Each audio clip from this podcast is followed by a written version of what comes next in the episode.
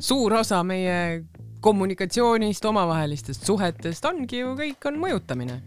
ja oleks ülbe arvata, väljendada ja öelda seda, et äh, ei, mind ei ole võimalik mõjutada, ma, ma olen selle kõige jaoks liiga tark tere tulemast kuulama saatesarja Müksud ja mülkad, kus arutleme selle üle, kuidas inimesi mõjutatakse. Mina olen Heidi Reinson ja täna on minuga meediauuringute kaasprofessor Maria Murumaa-Mengel. tere! tere! sul on nii ilus nimi, et ma lihtsalt, ma olen mitu päeva öelnud, et riimub, onju, et tahaks kohe rahvatantsu hakata selle saatel tantsima. seda on mulle ennegi öeldud ja vot tegin hea valiku selle kolmanda nime juurde võtmisega. jaa, tõesti super, aga see sinu valdkond, meedia ja kommunikatsioon, et kas võib öelda nii, et kui teie oma valdkonnas oma tööd hästi teete, siis te tegeletegi natuke nagu inimeste mõjutamisega? jah, aga teiselt poolt äh, on mõju ja mõju mõõtmine meil natuke ka selline, et kui sa meedia ja kommunikatsiooni valdkonnas ütled või noh, kui tudeng tuleb ja ütleb, et ma tahaks uurida seda, kuidas see kampaania mõjutas inimesi või milline mõju on sellel ja sellel, siis äh, hakatakse küünenahkasid närima sellepärast, et äh, meedia mõju on väga raske mõõta äh,. kuna tegemist on reeglina sellise väga kompleksse ja, ja mitmeharulise ja üksteist, üks erinevate osade äh, omavahelised mõjuseosed on hästi segased ja sageli pikaajalised, nähtamatud, teadvustamata ja sellepärast ähm, on meil selle mõju ja mõjutamisega selline nagu mitmekülgne suhe, ütleme nii. ja see on, see on kohe tõesti väga hea nagu kuidagi see võrreldes Psühholoogia Instituudiga, kust mina tulen, eks ole, et, et meil nagu see eksperimentaalne pool on nagu justkui nagu sisse kirjutatud meie teadusesse ja siis äh, samas äh, seetõttu on nagu võib-olla mõned need sekkumised kas, kas siis äh, piiratud või siis jah, et need vajavadki sellist nagu äh, sellist läbimõtlemist, et kindlasti ei tohi see sekkumine toimuda Postimehes, sest mm -hmm, siis mm -hmm. ei saa seda mõõta, eks ole. just, aga kuna me oleme Tartu Ülikoolis külg külje kõrval olnud noh, aastaid, aastakümneid äh, sotsioloogiaga, siis äh, oleme me teatud mõttes jätnud üksteisele ka distsipliinide vaates jälje ja noh, sotsioloogidelt oleme me kindlasti võtnudki selle kompleksse vaate, et asjad ei ole nii lihtsad, kui sa arvad, et sa said mingisugusele asjale niimoodi pandud nööp nõela külge, et ahaa, siin see on, siis on keegi, et mm. aga kuule, kas sa seda ka arvasid? Kurat ei arvestanud. Nii et, et noh, see, see mõjusõna on meie jaoks hästi tähtis, kuna meediale omistatakse väga suurt mõju äh, nii pikaajalises plaanis kui ka lühiajalises, noh, kui on vaja ma ei tea, avalikkust teavitada, siis teeme meedia kaudu teavitustööd ja kampaaniat ja siis kohe kõik inimesed hakkavadki teistmoodi käituma. Või vähemalt usk sellesse on väga suur, et ähm, aga meie oma valdkonnas äh, me pigem teadlastena nojah, eks me püüame ka mõjutada üht koma teist, aga me proovimegi aru saada neid erinevaid äh, mehhanisme ja seda mõju kuidagi nagu lahti harutada väiksemateks tükkideks, olles siis ka sageli väga tagasihoidlikud oma äh, tulemuste äh, kommunikeerimisel. et haruharva saad sa sotsioloogi või meedia ja kommunikatsiooni valdkonna inimese ütlema, et jah, see oligi see, mis oli põhimõjur et tavaliselt alati tuleb see jutt tuleb, et no ühena ühe mõjutava tegurina võib näha seda. ehk siis sellised pehmed sõnastused ja eks selle taga ongi see, et äh, sotsiaalset maailma ja meediat on keeruline mõõta ja kusjuures äh, ma laiendaks seda isegi nagu teadlastele, et äh, Psühholoogia Instituudis räägitakse umbes sama juttu, et noh, et, mhm. et, et psühholoog ütleb niimoodi tagasihoidlikult, et mm -hmm. kord on nii ja kord on naa, aga siis võib-olla nagu mõned praktikud või, või üldse keegi, kes, kes võib-olla teadusmaailmas nii sees ei ole, palju enesekindlamalt nagu väidab, et vot, kui mina tulen ja teen sulle selle sessiooni, siis juhtub see mm, -hmm. et, et see on selline no vot, need on need ahelad, mida me siin kõlistame ja need suured nii-öelda sellised ähm, noh, koormad, mis äh, meie teadlase ja õppejõu rolliga kaasas käivad, et me peamegi olema ettevaatlikud just nimelt mõjust äh, rääkides nii, aga mulle meeldib küsida saatekülalistelt sellise, sellist intrigeerivat küsimust, et kas inimesi on lihtne mõjutada, mis nüüd seda eelnevat vaadates, eks ole, noh, et kui sa korraks mõõt-, nagu selle mõõtmise poole, mõõtmise keerukuse kõrvale paned, aga et nagu see tunnetuslikult niimoodi, et kas inimesi on lihtne mõjutada? jah, on küll. Sest ma arvan, et suur osa meie kommunikatsioonist, omavahelistest suhetest ongi ju kõik on mõjutamine. Ja oleks ülbe arvata, väljendada ja öelda seda, et äh, ei mind ei ole võimalik mõjutada, ma, ma olen selle kõige jaoks liiga tark. me laseme ennast kogu aeg mõjutada, see, et sa praegu naeratad ja noogutad ja oled mulle hea vestluspartner, mõjutab mind väga palju ja, ja kuulajatele, kas te olete tähele pannud, kuidas Maria meiega räägib, niimoodi hääletoon muutub üles-alla, see on nii ilmekas, et ma niimoodi no, kadedusega kuulan. eks ma üritan ju mõjutada teid ja. ja just nimelt, et äh, ma arvan, et kõik, kes ähm, väljendavad sellist sügavat veendumust selle kohta, et nemad on kuidagi puutumata erinevatest, äh, ma ei tea, efektidest ja, ja erinevatest ähm, just nimelt sellistest pisikestest äh, mõjudest, noh, elavad sügavas enesepettuses. kui palju inimesed nagu tajuvad seda, et, et neid meedia kaudu, noh nagu kui me võtame täiesti tavalise ajalehe artikli, et noh, kui inimene läheb kauplusesse, siis ta võib-olla, ma, ma julgeks öelda, et enamik ikkagi tunnetavad, et noh, et, et mulle üritatakse midagi müüa ja sa oled võib-olla nagu valvas. aga et, et niimoodi meedia puhul, et kas inimene üldse nagu teadvustab endale, et et kui ma nüüd loen seda pealkirja või seda artiklit ja see on selle ajakirjaniku kokku pandud infokillud, et kas, kas inimene mõtleb, et, et, et mind mõjutatakse? Oleneb, äh, mida me meedia all silmas peame, oleneb, äh, kes on selle meedia sisu kasutaja, et siin on jälle hästi palju erinevaid tegureid, mhm. mis mängivad. aga ma arvan, et tarbetekstide juures on lihtne noh, valvsust kaotada, sest nad äh, on sageli osa meie igapäeva sellistest rutiinidest, praktikatest, mida me isegi ei teadvusta see võib olla hommikune lehe lugemine, see võib olla pärast ärkamist toimuv kiire instascroll, mis iganes äh, meedia see on, et nad on väga sageli muutunud sellisteks nagu nähtamatuteks tegevusteks või noh, nii ära kodustatud tehnoloogia ja praktikana, et äh, me ei pane neid enam tähele. Ja kui miski muutub selliseks poolautomaatseks, siis me tõenäoliselt pöörame ka vähem tähelepanu nendele detailidele et ähm, ja selles ei ole midagi halba, sest kui inimene käiks kogu aeg niimoodi, et tal alarmkellad jookseksid peas ja iga sõna peaks kaaluma, vaagima, üliparanoiliselt, kriitiliselt hindama kõike, meie elukvaliteet oleks ikka väga madal sellisel juhul ja meie usalduse tase täpselt samamoodi. et äh, eks see kriitilise mõtlemise tähtsustamine eluoskusena on natuke kahe teraga mõõk ka.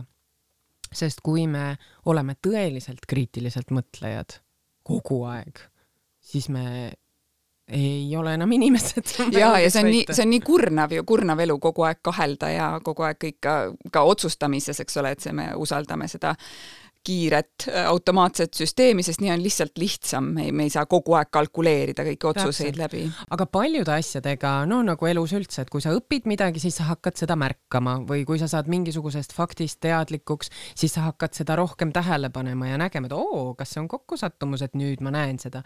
no see ajumustrite otsimise vajadus. aga samamoodi ka meediatekstide analüüsi puhul, et näiteks kui sa oled kord hakanud mõtlema selle peale, kuidas meediatekstides kasutatav keel on soolistatud.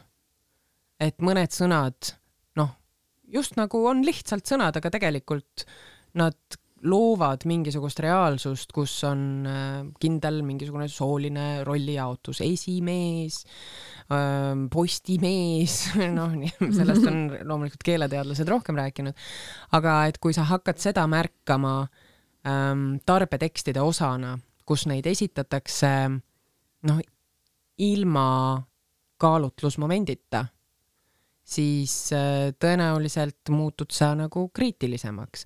või näiteks, kui sa õpid ära, on selline tore mm, tööriist ja teooria mm, nagu visuaalide, sotsiosemiotiline visuaalide analüüs ühesõnaga, mis räägib sellest, et ka pildikeelel on oma grammatika, et on vähemalt lääne kultuuris, see on väga kultuurispetsiifiline mm. -hmm aga meie kultuurides ähm, on visuaalide lugemisel on teatud loogika, et äh, järgnevus näiteks, et mis asub vasakul, mis asub paremal, mis on keskel, mis on taustal, kas asjale vaadatakse ülevalt või alt, et need kõik valikud loovad mingisugust narratiivi, mingisugust lugu. ja kui sa ühel hetkel äh, muutud teadlikuks sellest, et on, ma ei tea, konna ja kärbse perspektiiv ja need annavad hinnangu sellele, mida sulle näidatakse, et kas see on nagu võimas, suur, hirmuäratav, no näiteks kui Putinit on altpoolt äh, fotografeeritud, siis ta tundub võimas mm -hmm. mees, onju. samas kui valik on tehtud teistpidi, et pikk fotograaf on lihtsalt teinud ülevalt alla temast pildi, siis ta tundub hoopiski siuke pisike ja kiilas ja juba veidi vananev poisike, aga siiski, et ta tundub väike ja väetim ja jõuetum ja vähem hirmutav. et noh, et kui sa nagu sellistest elementaarsetest asjadest saad teadlikuks, siis sa hakkad ka vaatama meediatekste teise pilguga. Ja, ja see muutub loomulikuks ja tavapäraseks. Ja ma kujutan ette, et noh, näiteks kui ma olin bakalaureuseõppes, siis ma ähm, võtsin ainekursust nimega suhtlemispsühholoogia, mida tollel hetkel andis äh, Salli Põldvere. Ja ma mäletan, et see oli nagu esimene kord, kui ma mõtlesin väga paljudele äh, psühholoogia valdkonna nagu baasteadmistele, aga mina ei olnud kunagi nendega kokku puutunud ja kuidas siis ma tundsin, et mul läks nagu kolmas silm lahti ja ma käisin nagu ringi ja mõtlesin oh,, lapse tasand, mida, mida oh,, peidetud motiivid ehk siis sa hakkad märkama mingisuguseid mm -hmm. asju, eks niimoodi ju teadmistega ongi. ja just ja mind, mind ennast eriti häirib, kui pealkirja ja pildi valik nagu kombona töötab, noh näiteks, et on poliitikas irvitab pildi peal, siis tundub, nagu ta irvitaks siis nende vaeste inimeste üle, kes mm -hmm. seal pealkirjas nagu noh, kuidagi, et et see selles mõttes, kui sa seda loed ja vaatad korraga, siis automaatselt kuidagi tajud, et see on nagu seesama ajahetk, aga tegelikult on valitud sinna pilt, kust noh, et ja. ja sul jääb juba mulje poliitikust, kellel on suva vaestest inimestest või noh, kuidagi see on... aga see on, no siin on hästi niisugune paras probleemide pundar on siin, et üks on see, et ähm, ajakirjandus, professionaalne ähm, ajakirjandus, kui me räägime nagu meediavormist, siis selle keskne toimimis nagu selline aluspõhimõte on see, et konflikt peab olema ja sellel on lihtne põhjus, see ei ole sellepärast, et ajakirjanikud on tigedad inimesed või et, et nagu on tarvis, et inimesed oleksid kurjad, vaid äh, see on tähelepanumajanduse abc. me ei pööra tähelepanu asjadele, milles ei ole mingisugune eksistentsiaalne, ma ei tea, oht, risk, mingisugune konflikt. me, me inimestena pöörame rohkem tähelepanu infole, mis ei ole ninnu-nännu ja kõik on endiselt korras, vaid milles on olemas mingisugune mm, ja see on põhjus, miks ajakirjandus elatub konfliktidest. see on meie hüvanguks, et noh, meie, meediatarbijad, oleme selle teinud selliseks. ja teiselt poolt äh, tänane tähelepanumajandus äh,, mis on digimeediaga eriti tugevalt saanud tuule tiibadesse hmm,, on viinud sinna, et äh, meediamajanduse mõttes ei ole head süsteemi, mis hoiaks nii tähtsat funktsiooni, nagu ajakirjandus kannab ühiskonnas, elus. Äh, riigilt raha ei tohi võtta, sest siis noh, sa võid võtta, aga sellega kaasneb väga suur riskide äh, pundar ähm,. sa muutud sõltuvaks riigivõimust mm, -hmm. poliitikute käpikuks ähm, no ja mis siis on, mis siis jääb üle, et siis mingisugused äh, Euroopa Liidu toetusfondid, no siis sa oled ju jälle teistpidi onju käpiku ohus ähm,. ja reklaamiraha. reklaamiraha just nimelt ning äh, kui reklaamid ei tööta enam, siis äh, mis? sisuturundus. just, mis siis jääb, onju, sest äh, ajakirjanik, kui ta on hea ajakirjanik see on väga oluline töö, mida õpitakse päris kaua, noh, et kui sa tahad olla hea mhm, ajakirjanik mm -hmm., nuputreielik saab võib-olla lihtsamalt, aga tõeliselt hea uuriv ajakirjanik, kes äh, täidab ajakirjanduse neid kriitilise tähtsusega funktsioone, see on töö, see ei ole kellegi hobi või maailma päästmise mm -hmm. projekt, vaid see on töö ja kuidagi ju tuleb inimestele palka maksta. ja paraku on see tähelepanumajanduse virvarr viinudki sinna, et tehakse seda, millel klikitakse. nii et kui me tahame vaadata ja süüdistavalt kellegi poole, et kes tegi, kes seda mõjutas selliseks minema, siis me võime rahulikult peeglisse vaadata, sest me ise läheme nendele Pepu ja mis iganes uudistele klikkima ja nüüd väga paljud kuulajad kindlasti ütlevad, et no võib-olla nemad käivad jah, klikivad nendel Elu24 asjadel, siis või noh, et nemad loevad kroonikat ja nemad vaatavad seda trash TV-d või seda rämps televisiooni, nemad, nemad, nemad, tegelikult ikka oleme need meie. jah, igalühel on oma see trash, aga Täpselt. mingi, mingi. just, me oleme kõik tõenäoliselt panustanud sellesse, et ähm, pealkirjad on sellised, nagu nad on, fotod on sellised, nagu nad on, et see konflikt, see kole pilt pannakse sinna meelega juurde sest teatakse, et see on see, mis toob klikid mm, -hmm. see on see, mis äh, tekitab liiklust, see on see, mis toob vaatajaid see on see, kuidas ajakirjanikele palka saab maksta mm. -hmm. see on kõik jah, see on täiesti tõesti väga arusaadav, mis ma siia vahele nagu hõikasin, reklaamiraha ja sisuturundus, et, et see on lihtsalt see, mis mind viimasel ajal on ennast äh, nagu niimoodi häirinud ka, see on seesama see niimoodi äh, välja arenenud äh, kriitiline pilk, mis näeb nagu mingeid asju, mida võib-olla tavainimene ei näe, et et see, kuna võib-olla see tavaline bännerreklaam nagu ei, ei, ei ole enam nii mõjus ja et inimesed juba teavad, et see on reklaam, siis sisuturunduse sildi all sellist nagu justkui ajakirjanduse ja reklaami vahepealset formaati. Ja nüüd äh, noh, tegelikult näiteks valimistel nüüd hiljuti ju ka üks erakond äh, oma äh, siis abilistega äh, kirjutas mitmeid kihvte artikleid sellest, kuidas see erakond on maainimestele parim valik ja ma, ma ei testinud selle puhul, ma olen mõne sisuturunduse artikli puhul näinud, et kui sa, kui sa jagad seda sotsiaalmeediast, siis see sisuturunduse silt läheb sealt ära, et ongi ainult nagu pealkiri ja pilt, mis on juba, noh, ma arvan, et varsti tehakse mingi regulatsioon, et nii ei tohi, eks ju. aga et äh, kas see, esiteks ma, ma tahan sinu käest küsida, et kas see silt, sisuturundus üldse nagu, mul ei ole endal mingeid uuringuid selle kohta, et lihtsalt selline kõhutunne, et võib-olla see ei, ei tähendagi tavainimese jaoks sisu, no see on mingi sisu, noh, et mm, -hmm. et miks ei võiks olla reklaamtekst mm? -hmm no eks just nimelt sellepärast, et ähm, see ei ole ju puhtakujuline reklaam, sest kui sisuturundust tehakse selle algses tähenduses, Äh, ja kui seda tehakse hästi, siis sellel ongi väärtus mm, -hmm. sellel on olemas ajakirjanduslik väärtus, sinna on läinud sisse märkimisväärne töö, küll mitte ajakirjaniku poolt, vaid siis kommunikatsioonispetsialisti poolt, aga see on sarnane äh, ajakirjandusele, näiteks võib tuua noh, seda näidet on hästi palju toodud, aga asja eest ka äh,. kui Netflixil tuli välja Orange is the new black äh, sari siis äh, nad tegid sisuturunduslikku ja mitu erinevat tegelikult äh, artikli, milles nad äh, käsitlesid äh, USA vanglasüsteemis olevate naiste äh, probleeme.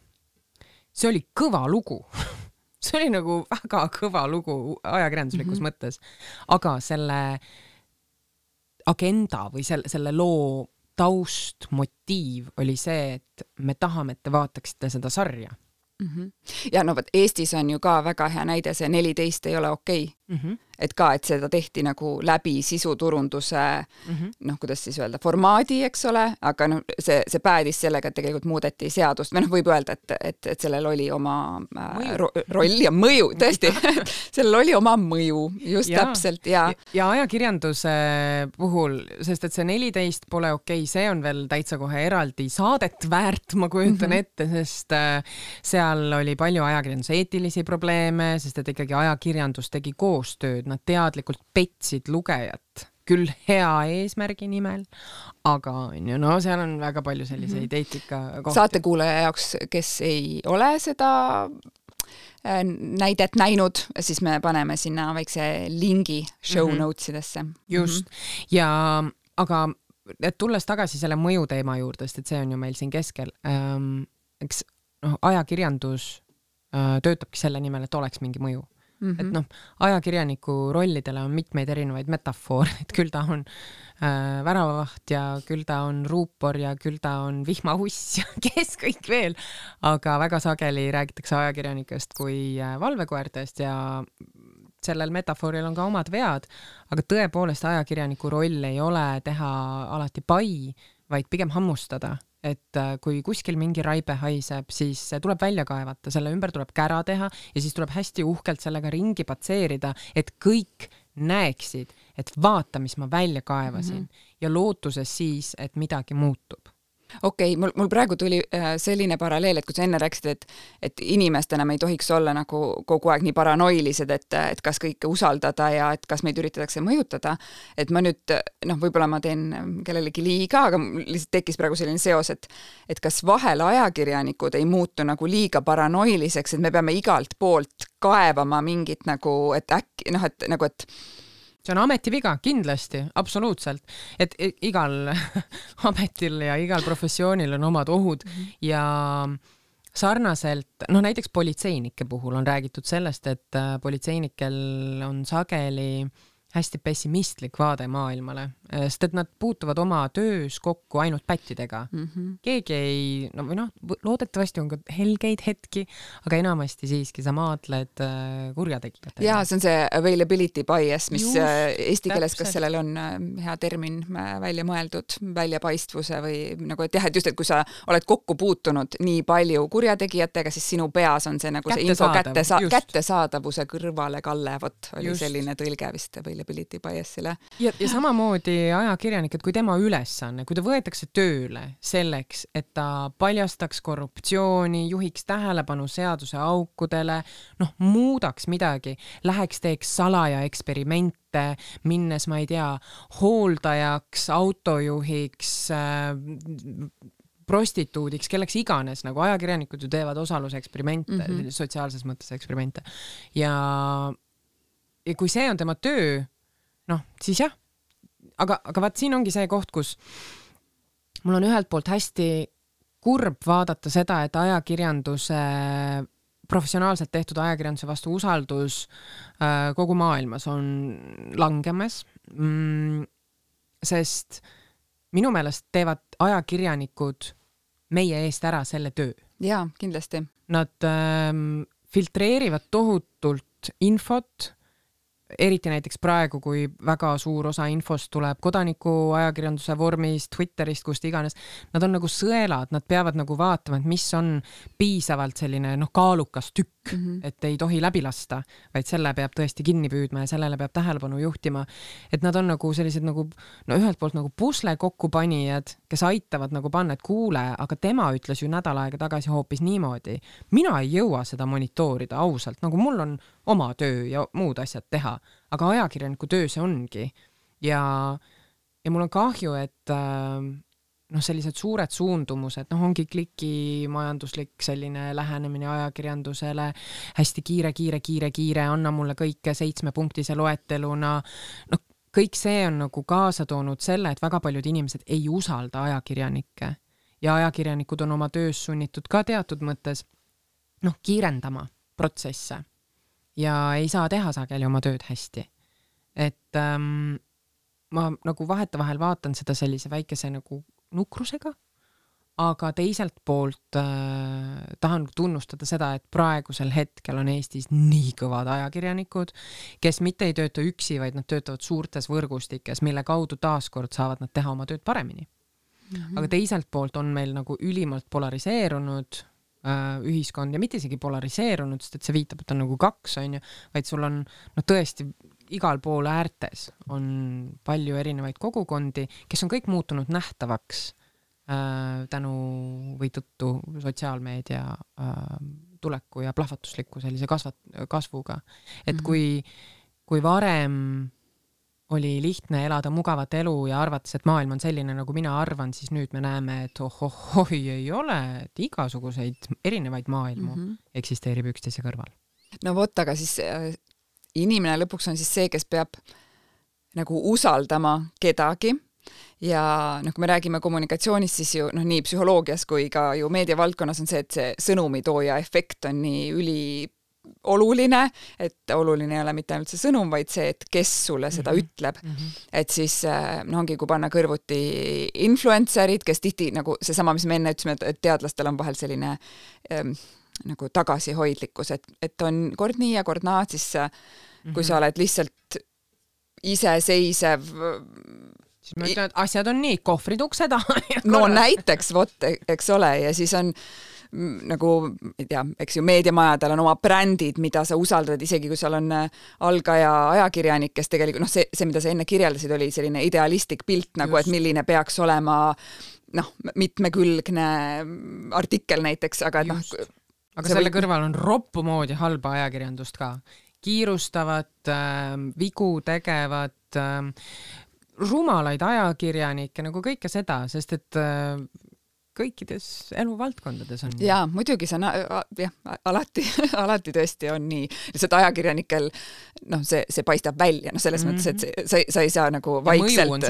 ja, ja et kui raamatupidamisosakonnas nagu üks teeb oma tööd halvasti, siis noh, nagu kolleegid lihtsalt kas labivad kokku või ja. parandavad vead, aga jah, et ajakirjanike vead paistavad, paistavad Kahjuks välja. ja, ja mõjutavad paljusid, on ju. jaa, vot, et, et kui palju nagu sellest äh, ma ei tea, kas on teil äh, kooliprogrammis eraldi aine, äh, et äh, teeme nüüd teile selgeks teie vastutava rolli äh, inimeste mõjutamise eest. see on läbiv ja see, see hakkab kohe esimesest ainest pihta äh,, sest ähm, aga noh, üks asi on muidugi see, mida sa õpetad, aga teine asi on see, mida elu kaasa toob, et kuidas äh, akadeemiline ja praktiline vahetevahel noh, ongi erinevad, akadeemia peabki olema idealistlik, sest kus siis veel.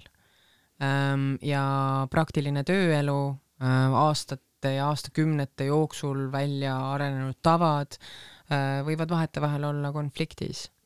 aga noh, see on ka normaalne, nii, niimoodi ju peabki olema, sest et igasuguseid erinevaid vaateid on asjadele me elame siiski sotsiaalkonstruktivistliku paradigma sees. ja, ja et ma tegelikult, ma üldse ei, ei plaaninud, et on selline nagu äh, ajakirjaniku ameti äh, nagu nat, natuke materdav ja, ja, ja kusjuures olgu öeldud ka, et sellest ajakirjanike teemast tegelikult räägivad palju paremini minu kolleegid, kes tegelevad selle teema uurimisega igapäevaselt. ma ei tea, kuidas me nüüd siia jõudsime. ei, aga see on tegelikult see, noh, selles mõttes, et mul ei, ära ütle nii, et teised, teised, teised räägivad paremini. meil see saatesari kestab veel kaua, saab veel, saab veel teisi kutsuda ka. ma annan sulle pärast kohe nimekirja. ja, ja, ja, ja, ja see on ka, tead, see on ka selline see tagasihoidlikkus, siin ka üks, üks teine intervjueeritav eh, kogu aeg ütles, et keegi teine teab paremini seda et see on.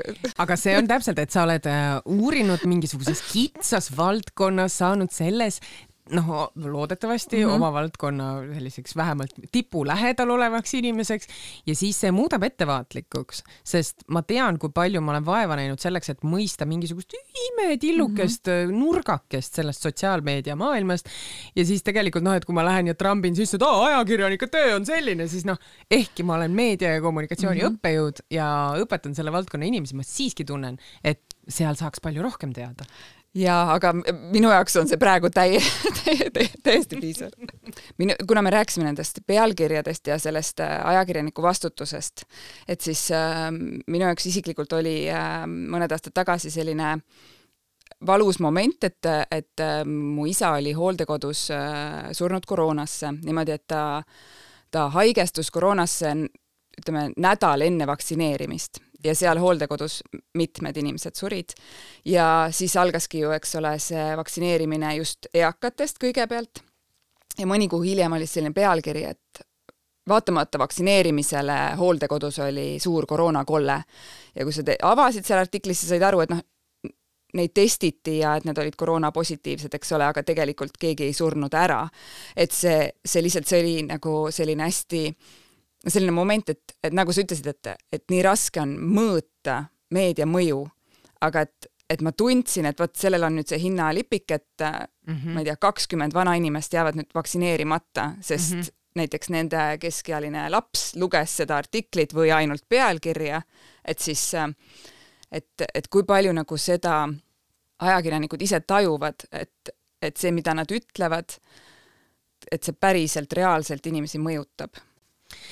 Ma usun, et selle kohta on päris palju uuringuid aga teiselt poolt ma usun ka, ja see on usu küsimus praegu mm -hmm. siin ei ole uuringut, et äh, sellele ei saa liiga palju mõelda. sarnaselt nagu kirurg ei saa liiga palju mõelda sellele, kui mitu last on sellel inimesel, milline on tema ajalugu, sest et see võib hakata segama mm. -hmm.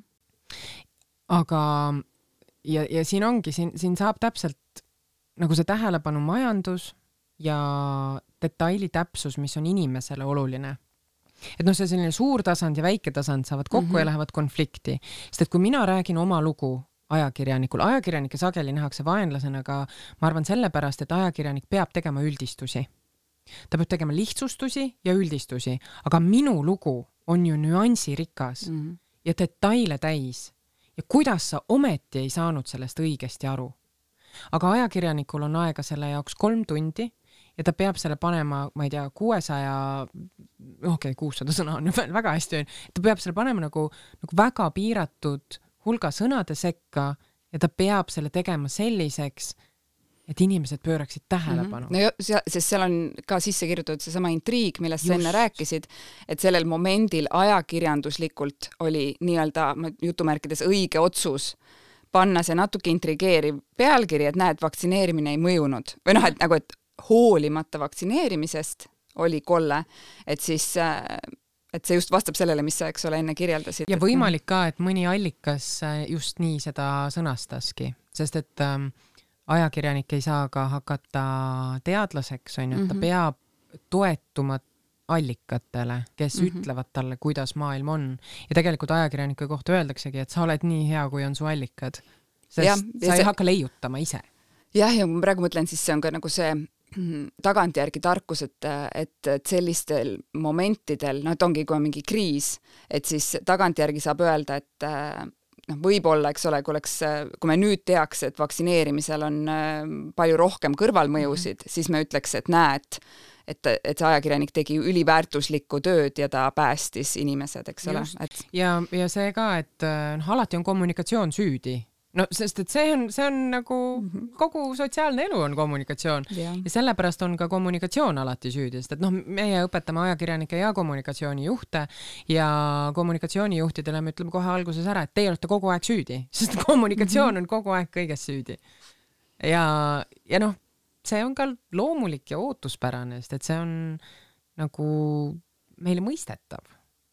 ja noh, mõtle sellele, kui palju maailmast sa tead, sest sa oled selle kohta näinud dokumentaalfilmi, vaadanud hariduslikku videot, lugenud ülevaateartiklit, analüüsi, et see on noh, tohutult meedia poolt vahendatud maailm ja me peame ju usaldama ka sest et ilma usalduseta ei ole sotsiaalne elu üldse võimalik.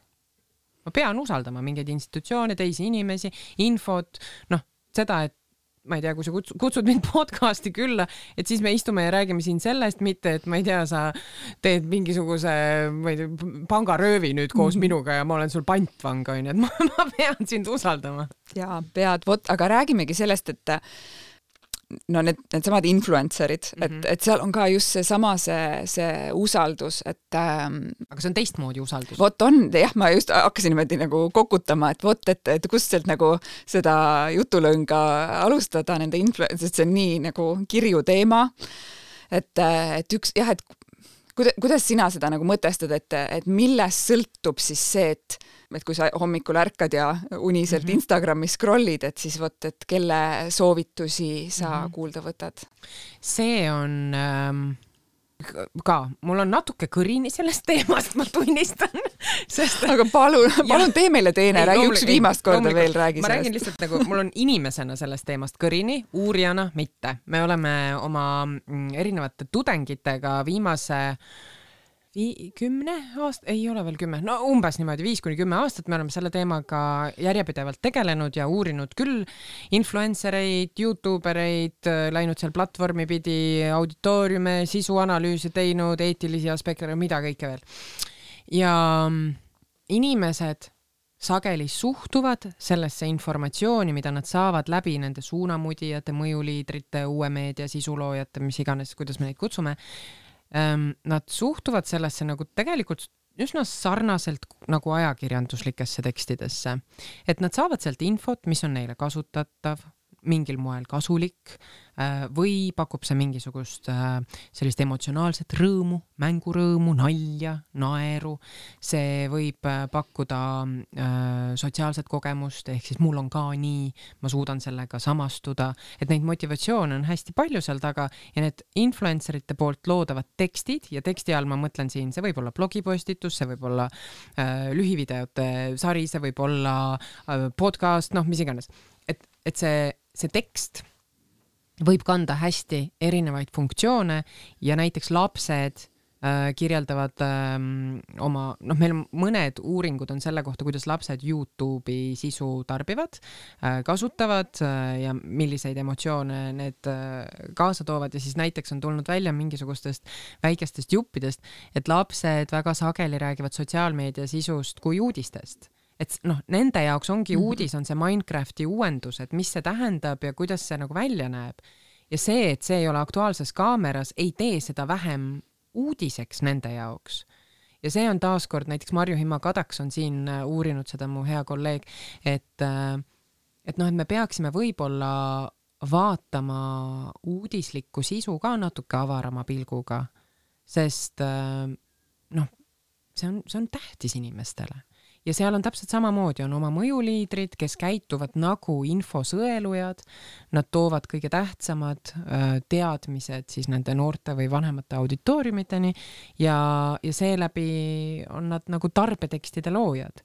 küll aga ei ole neil mitte mingisuguseid professionaalseid äh, noh, koodekseid no nad ei pea midagi tegema, nad võivad luuletada, nad võivad sinna vahele panna, ma ei tea, Red Bulli reklaami, mida iganes nad võivad teha mm. -hmm. ehk siis nende ameti prof-, no või noh, see on professionaliseerunud amet, aga seal ei ole järelevalve, tõhusaid järelevalveorganeid, vastutusele võtmise mehhanisme. aga kas see üldse on realistlik, et kui sa kui sa oledki sina kui Maria ja teed endale Youtube'i kanali, et kas, kas sa pead üldse vastutama selle eest, mida sa räägid? no, aga oletame, et ma olen Maria, kes toob, teeb oma Youtube'i kanali ja siis ma saan hästi populaarseks. ja siis ma hakkan rääkima, et kuulge, see viimane USA kooli tulistamine, et äh, need olid ju näitlejad seal. ja siis kõik need inimesed, kes mind on jälginud sageli aastaid mm, -hmm. usuvad seda.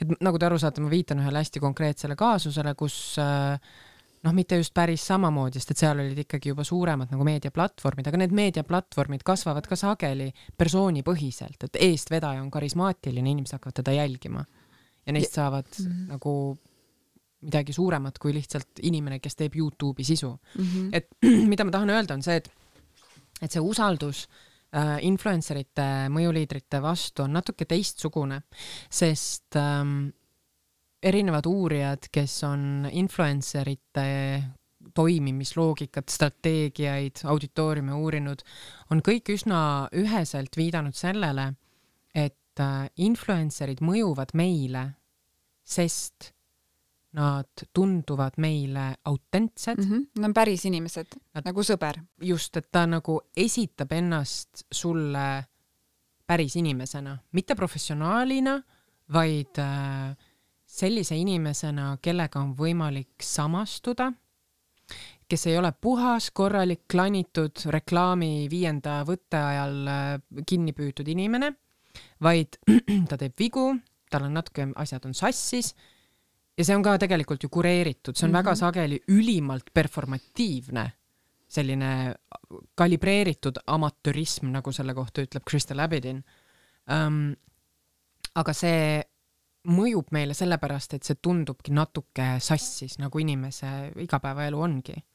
ja teine asi on see, et kui me jälgime kedagi ja see inimene, see keegi ei pea meile üldse meeldima, kui me jälgime kedagi pikema aja vältel, siis me hakkame talle kaasa elama, ehk siis tekib parasotsiaalne suhe, mis tundub meile päris, sest ma olen ju temaga nii kaua aega veetnud teiselt poolt muidugi vastu mm -hmm. ei tule mhm. midagi, aga see parasotsiaalne suhe võib tekkida äh, seepikka näitlejate või noh, nende karakteritega meie vanemad generatsioonid võib-olla äh, teavad sellest rohkem, aga et sa hakkad kaasa elama sellele Luts Mariale või kes iganes ta on. ja eriti, kui see on ainuke seebikas üldse su elus Just. ja mida polegi aga see võib ka olla mingi Rannamaja mm -hmm. viimased tegelased, et no mida lolli nad siis täna ka ette võtavad, oh, ta on ikka alati selline olnud. või siis see võib olla see blogija, kes on saanud oma kolmanda lapse ja nüüd on, äh, mõtleb, et kas vaktsineerida või mitte. või siis see võib olla noh, jah, ka ütleme väga paremäärmuslik äh, sihuke noh, sappi pritsiv äh, rändija, kellel mm -hmm. sa hakkad kaasa elama mingil moel või see võib olla Tiktokis ennast täiesti mällerisse joov äh, sihuke poolasotsiaalsete kommetega inimene, kellele auditooriumid raha saadavad selleks, et ta saaks ennast mällu juua no vot jah, aga mulle ikkagi tundub, et kas, kas üldse on võimalik seda nagu tagasi, tagasi purki suruda, et ei. Kui, ei ole ju, eks ju, et see, see, mis sa enne mainisid, et noh, et ei ole mingeid nagu reegleid ja piiranguid nagu veel seatud, aga neid vist ei saagi, noh, see, et et ja. seni, kuni see on nagu isikupõhi, noh, nii nagu, et, et kui, kui ma olen lihtsalt su nagu tuttav ja räägin sulle mingisugust jama, siis noh, mind ei saa võtta vastutusele selle eest, et ma ja. olen maailma asjadest valesti aru saanud. ja kui ma panen selle nagu videona üles, siis ma lihtsalt nagu skaleerin nagu seda jah, et sa võid, ju koge-, sa võid ju kogemata ka minna viraalseks, et sa oled suvaline viidikas kuskilt onju, aga siis järsku inimesed mhm. koperdavad mm -hmm. sinu sisu peale mis iganes põhimõttel mm -hmm. või, või põhjusel ja, ja see hakkab elama oma elu ja, aga ma, ma, ma ennustan, ma võtan oma klaaskuuli mm -hmm. veel, tegelikult mina ei ennusta, vaid äh, väga paljud äh, akadeemias tegutsevad inimesed minu valdkonnas räägivad sellest, et äh, me oleme ära käinud pendli ühes otsas, kus kõik oli hästi vaba, internet on džungel, saage kõik ise hakkama, seda on mõttetu reguleerida, info tahab olla vaba bla,, blablabla. ja see ei ole lihtsalt blablabla bla, bla, vaid see on tegelikult need on päris olulised alus äh,, alusväärtused. aga nüüd tõenäoliselt see pendel läheb äh, teise otsa ehk siis me lähe-, me siseneme regulatsioonide ajastusse. Äh, ma ei ole kindel, kuidas see töötab, sest noh, see ei ole nagu selline üks fikseeritud asi või mingi koht, vaid see on laiali mitmepäine sihuke noh, ollus, hägus mm, -hmm. selline on ja ei ole. ja, ja kui üks aken kinni pannakse, siis tekib kohe põrandalaudadest kasvõi uus trepp ja, ja ühesõnaga see ei ole kergesti kinnipüütav ja reguleeritav globaalne süsteem mm. -hmm. seal on omad toimemehhanismid ja kahjuks ähm, noh, inimene ei ole vooruslik. ma ei tea, ma võin siin vaielda nüüd filo filosoofidega, aga inimene ei ole üdini moraalne ja vooruslik ja seetõttu me näeme ka selles superinfosüsteemis kõike seda, mis ei ole vooruslik mm -hmm. ja mhm. moraalne ja hea ja see tähendabki, et iga kord, kui luuakse midagi uut, siis kohe sealjuures on selle võimalused, no mõtleme kasvõi ai arengule onju mm -hmm kohe on võimalused, aga kohe tulevad välja ka pedofiilid. jee, me saime uue tööriista, tulevad välja kriminaalid, oo oh, jee, uus pettuste mm -hmm. tegemise, skämmimise platvorm. ehk siis nagu kohe manifesteerib ennast ka meie tumedam pool ja ma ütlen meie, sellepärast et mitte keegi mm -hmm. ei ole mhm. sellest vaba loodetavasti suurem osa meist mm -hmm. ei tee tõeliselt kahjulikke asju, aga ma arvan, et väga raske on leida inimest, kes ei oleks kunagi, ma ei tea, pirateerinud mingisugust äh, meediateksti, kes ei oleks kunagi jaganud sõpradega mingisuguseid faile, mis tegelikult ei kuulu laiemale jagamisele, et noh, siukseid nagu pisikuritegusid mm -hmm. nii-öelda on ju meie kõigi pagasis ja, ja sellepärast ma, just nimelt sellepärast, et me ei ole vooruslikud olendid. ma arvan, et seda kassi sinna kotti tagasi ei topi. jah, just, sest ma mõtlen, et kui seesama influencer praegu ilma näota selline mm -hmm. tegelane, et et see ja ma olengi selline naiivitar, et ma tahaks arvata, et see keskmine influencer ongi siis autentne ja siiras, et ta, et ta ei alustanud seda nagu, võib-olla ta on keskmisest edevam, aga mitte nii, et ma nüüd pahatahtlikult loon mingi kanali, kus ma hakkan edastama valeinformatsiooni, et ta mm, -hmm. ta siiralt võib-olla arvabki, et vaktsineerimine on halb või ta mm -hmm. siiralt arvab, et noh, mis meil oli ka ju on, mis naiste, naistearstid olid tagajalgadel, et äh, influencer soovitab rasestumisvastase vahendina midagi, mis ei ole teaduslikult tõestatud. ehk et... pall ja porgandi efekt Eesti demograafilisele olekule ma püüdsin nii diplomaatiline olla, aga jah, tõesti ja. tegelikult, et et äh, võib see oli see kraadimise meetodil äh, biomonitor või mis iganes. Mm -hmm. et enamikel juhtudel see ilmselt ei ole nagu pahatahtlik, aga võib-olla, kas ta tahtis neid müüa või vaata ongi, et kui ja, see see oli sponsoreeritud koostöö, jah aga nagu häda ja vaev ja valu minu jaoks on seal, et praegusel hetkel süsteem premeerib üle piiri minevaid asju. sest jälle ma, ma kordan mm -hmm. seda, vabandust, kui ma hakkan tõesti igavaks muutuma. ei, absoluutselt mitte. tähelepanu majanduse oludes me saame raha ja muid hüvesid siis, kui meieni jõuab hästi palju klikke klikke ja need klikid ei pea olema sellised, oo, mulle meeldib su sisu, vaid see võib olla ka see vihaviljelus ehk siis rage farming, nagu mm -hmm. selle mhm. kohta öeldakse. ma teen asju, mis ma tean, et ajavad inimesi närvi, sest siis mulle tuleb klikke, siis mulle hakkab platvorm maksma seda looja tasusid ja, ja siis mulle pööratakse tähelepanu, mind kutsutakse alguses selle väikese võrgustiku podcast idesse, seminaridele, kuhu iganes ja siis mulle tekib see, see teatud nagu selline kultuuriline mhm. kapital mm -hmm. või sümbolkapital ja siis minule hakatakse tähelepanu pöörama ka selles noh, nii-öelda traditsioonilises meedias, legacy meedias ja siis juba selle aja peale on mul noh, nagu ma olengi bränd mul on võimalik müüa enda pildiga nokamütsi mm -hmm. ja teetassi ja noh, ainus, mis, või noh, mitte ainus, mis ma pean tegema, aga ma pean lihtsalt inimest närvi ajama. ja see on see, mida premeeritakse. ma ei ole kindel, kui hästi me inimkonnana suudame sellist süsteemi tegelikult ähm, välja kanda. Ma olen täna pisut pessimistlikus tujus aga no te, teine asi, mida premeeritakse, ongi seesama enesekindlus, mida noh, mis me enne, eks ole, rääkisime, et teadlastel jääb vahel puudu, et noh, et kui sa pakud ikkagi lahendusi nagu enese, lihtsaid lahendusi hästi enesekindlalt.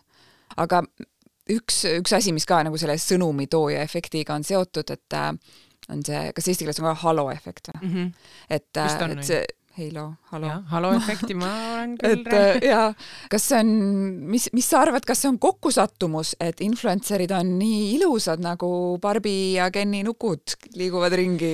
no mitte kõik, onju, on ka teistsuguseid äh,, aga see halo efekt äh, töötab ikka päris tugevalt jah, et äh, kui on ilus, siis on ka hea või kui on ilus, siis noh, ma, ma tahan nagu tema paadis olla mm -hmm. igal juhul aga ma ei ütleks, et see nagu sihuke rusikareegel on, sest et kui me mõtleme inimestele, kes on influencer'id, no seal ei pea mm -hmm. olema tingimata ilus, et see ilunorm kipub olema nagu, nagu kõigile ülejäänutele no massidele, aga influencer iteks nagu mm -hmm. saavad ikkagi inimesed, kellel on midagi veel, aga selline üldine ilukeskne, välise keskne selline pööritus, keeritus äh, on sotsiaalmeedias kindlasti väga oluline mm. -hmm.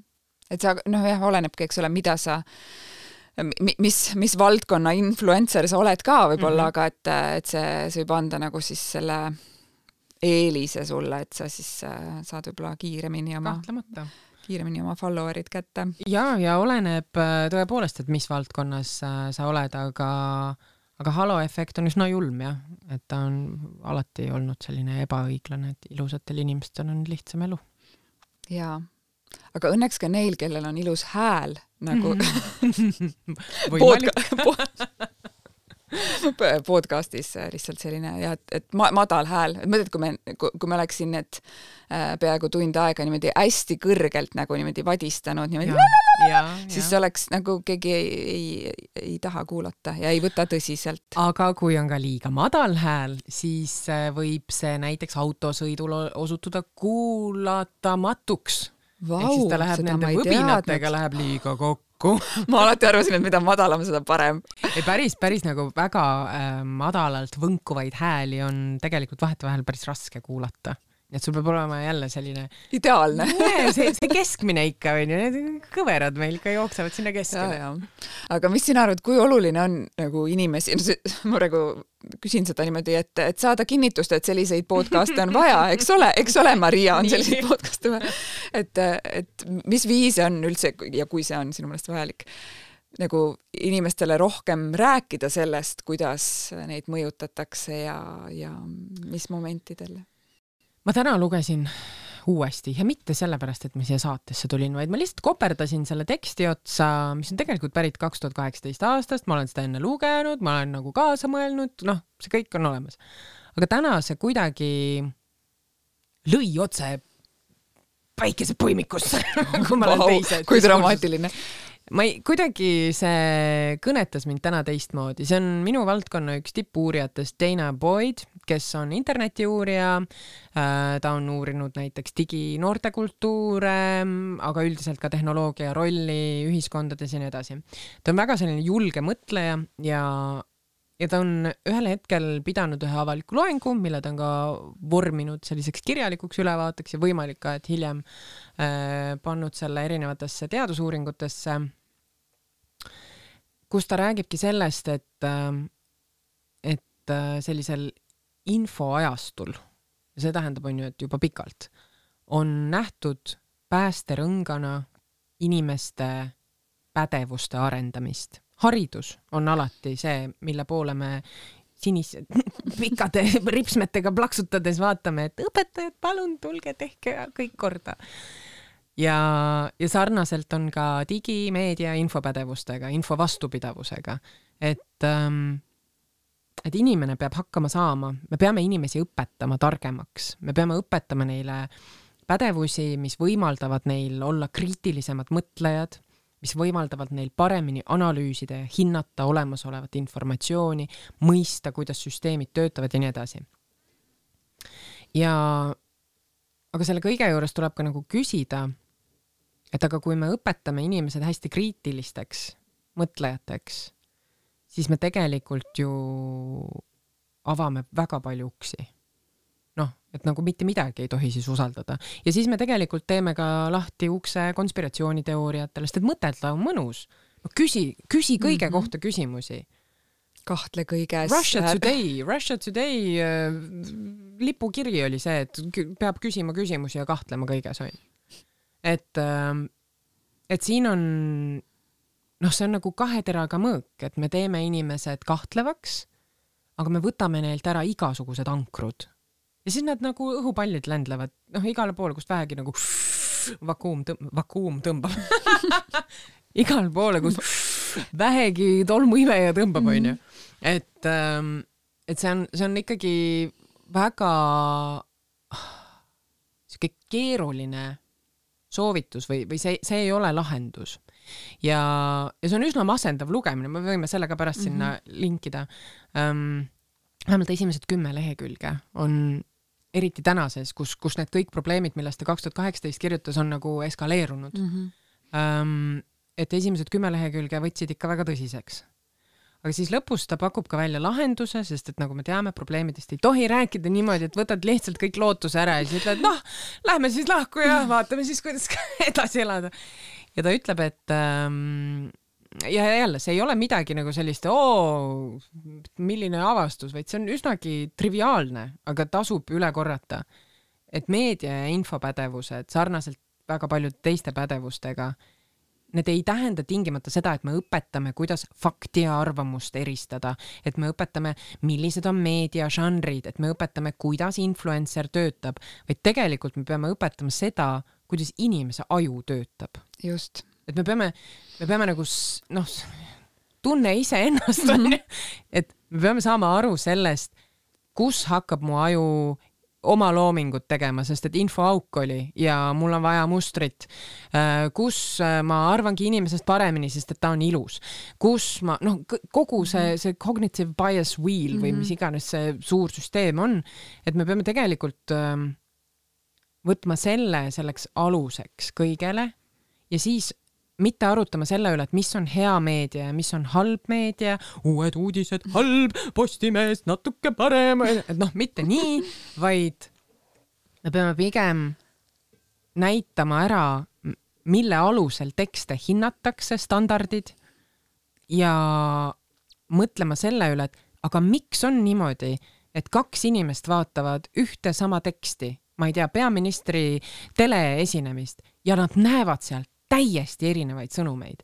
miks see on niimoodi? me peaks hoopis seda küsima ja, ja ma, ma olen täiesti, ma siin noogutan kaasa ja kirjutan kõigele alla, sest mulle tundub ka, et see, see on nagu see, see üdini, üdini universaalne oskus, sest lõpuks nagu noh, praegu on nagu popp nagu õpetada kõike rahatarkust, meediapädevust, noh, mingi loetlenu mm, -hmm. kõik, kõiki pädevusi peab kõigile kogu aeg õpetama.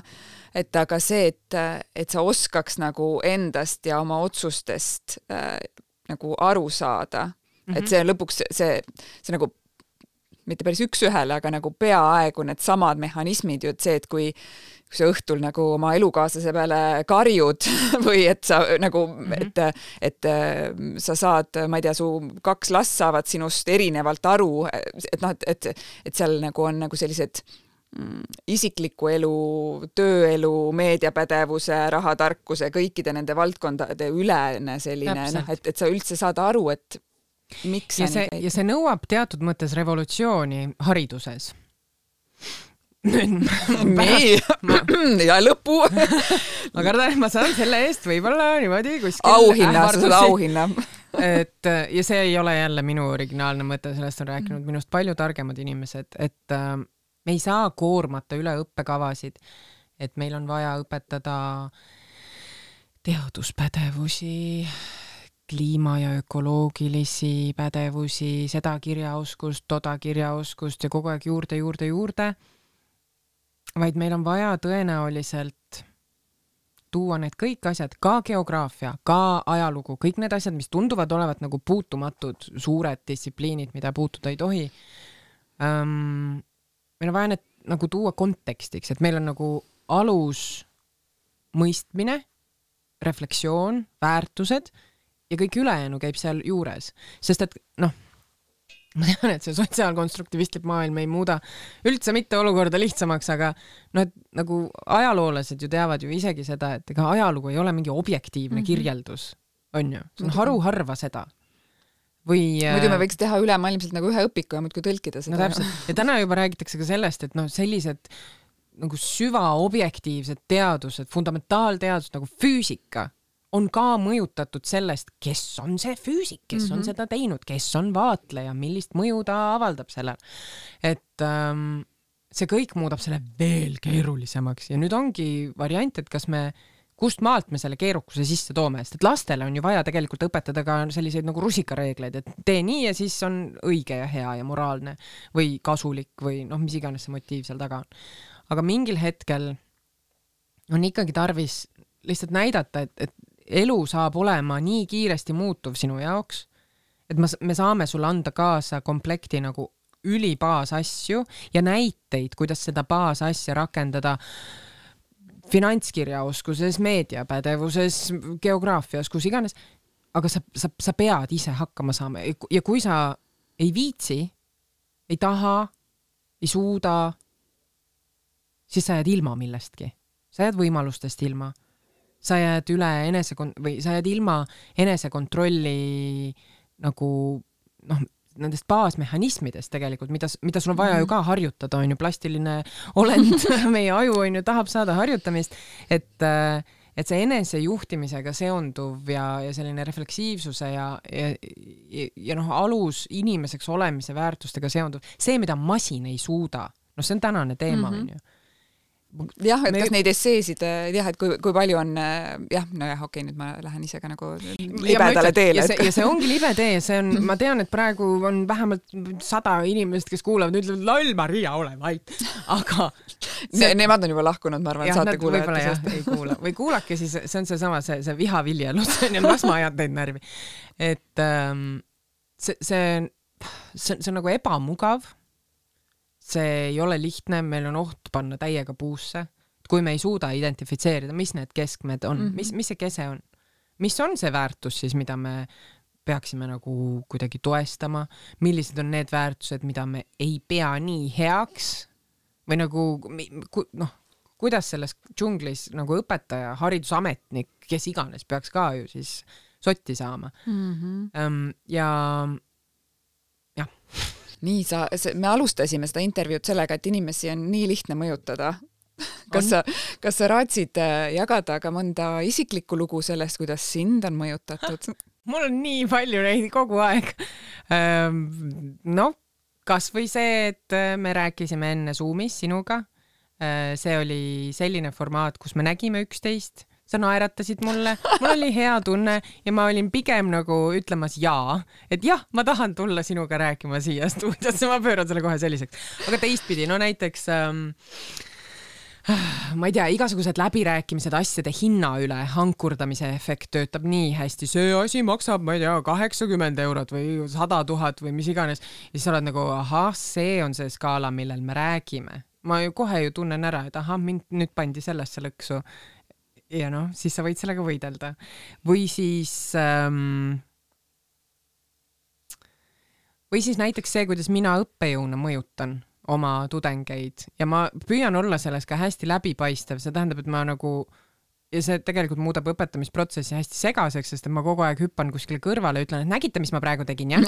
ja siis nad on nagu, mida, kus me olime? Et näiteks eile mul oli seminar tudengitega ja siis me rääkisime sellest, äh, kuidas äh, saladused toimivad, et kuidas privaatse ja avaliku reguleerimine inimesel käib, et noh, mis väärtus on privaatsusel. ja siis, äh, ja siis ma ütlesingi neile, et vaadake, et me oleme enne ju ka olnud koos erinevates loengutes ja seminarides, et ma mõnikord olen rääkinud siukseid personaalseid lugusid. Ja ma olen neid alustanud niimoodi, et kurat, ma ei peaks teile, ah jah, suva, ma räägin ikka ära see ei ole teadlik, aga seda saab kasutada teadliku mehhanismina, et ma võtan teil barjääri maha, sest et ma jagan teiega midagi, mida ma esialgu tundusin pidavat privaatsfääri äh, minevaks. Ja, ja seeläbi ma nagu just nagu annan teile oma sellise noh, nagu, nagu, nagu privaatsema poole, onju. ja, ja see on ju tegelikult äh, mõjutusviis, et kui ma tahaksin, siis ma võiksin sellega nagu palju halba ka teha, onju kusjuures see viimane näide, et nüüd ma, nüüd ma saan aru siis, kuidas need influencer'id äh, inimesi enda poole meeldivad, sest tegelikult nad ju äh,, noh, ma nüüd nagu üldistan, et ei ole nii, et mm -hmm. kõik influencer'id on ühesugused, aga noh, see on nagu selline levinud taktika, eks ole, et või mitte taktika, jällegi see ei pruugi olla üldse ju meelega tehtud, vaid et et nad jagavad endast nii palju, nad filmivad oma kodus, oma nagu, et nad jagavad oma mingeid intiimseid detaile mm -hmm. ja siis sulle tundubki, et ta usaldab mind ja mina saan teda usaldada ja, ja see on nagu päris suhe. ja ja see sageli ongi autentne, sest näiteks Zoomi ajastu, kus me kõik istusime, oli mitu aastat ekraanide taga, vähemalt ma panin enda puhul küll seda tähele, et ekraan mõjutas mind äh, sedasi, et ma hakkasin rääkima palju rohkem isiklikke näiteid, sest ma olin mm -hmm. oma kodus, oma isiklikus sfääris, tegin avalikke asju aga need kaks läksid minu ajus, minu väikeses ahvi ajukeses läksid sassi. ja nii hea turvaline, istun ja, siin oma kodus just, ja mul on külalised siin. jah, täpselt onju ja ma näen ainult nagu teatud numbrit äh, nägusid, kuigi seal võis kakssada olla ja siis ma rääkisin igasuguseid lugusid, et sellest, kuidas ma ei tea, mul lapsele Xbox'i meeldib mängida ja asju, mida ma teistsuguses ruumis ei räägiks, nii et seal ma olin ka kindlasti mõjutatud. aga taaskord, see võis jällegi luua sellist nagu lähedasemat sidet, kuna ma tõin näiteid, mis olid noh, kuulusid just nagu sinna nii-öelda Kaufmanni mõttes nagu backstage'i või sinna nagu mm. taha taustale, sinna kulisside vahele, mis ei ole mõeldud kõigile, vaid ainult priviligeeritute ringile ja kuule, kas sina said aasta õppejõuks just seal koroona aastal või? Kõik nüüd me ja, ja, ja, ja, ja, ja. no näed sa, et see mõjutamise värk on ikka igalt poolt läbi põimunud, oli küll jah. No super, mul on väga hea meel, et ma su saatesse kutsusin, ma saan, nüüd ma saan veel rohkem aru, miks miks just sina kuulud äh, mõjutamise saate külaliste kohe e, avahooaega. et äh, suur-suur aitäh sulle, Maria, et, et sa mu naeratava kutse vastu võtsid ja erilised tervitused saate kuulajatele, kes on ajakirjanikud või influencer'id ja kõik teised, kes lasevad ennast mõjutada, nii nagu meie siin Mariaga. aitäh ja kuulmiseni! aitäh!